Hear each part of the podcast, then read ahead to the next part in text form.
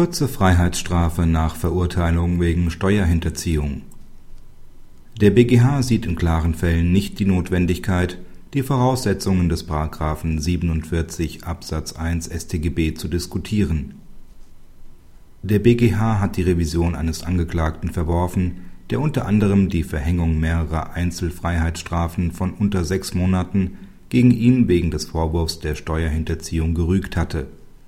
nach Auffassung des BgH war es hier unschädlich, dass die Strafkammer nicht ausdrücklich auf die Voraussetzungen des § 47 Absatz 1 StGB eingegangen ist. Denn angesichts dessen, dass es sich bei dem Angeklagten um einen Wiederholungstäter handelte, der eine hohe kriminelle Energie an den Tag gelegt hatte, lag die Unerlässlichkeit der Verhängung einer kurzen Freiheitsstrafe hier für den BgH auf der Hand. Kritik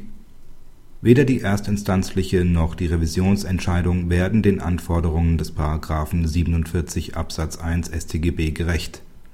Zwar mag die Verhängung einer kurzen Freiheitsstrafe auch bei Steuerhinterziehungsdelikten im Einzelfall unerlässlich sein, da nach dem Willen des Gesetzgebers kurze Freiheitsstrafen aber die Ausnahme bleiben sollen, ist es unverzichtbar, dass entsprechende Entscheidungen die Anwendung des § 47 Absatz 1 StGB und insbesondere die Tatsachen, die die Unerlässlichkeit begründen sollen, ausführlich und nachvollziehbar darlegen. Dies ist im erstinstanzlichen Urteil aber offenbar überhaupt nicht und auch in den Ausführungen des BgH nur in unvertretbarer Knappheit geschehen.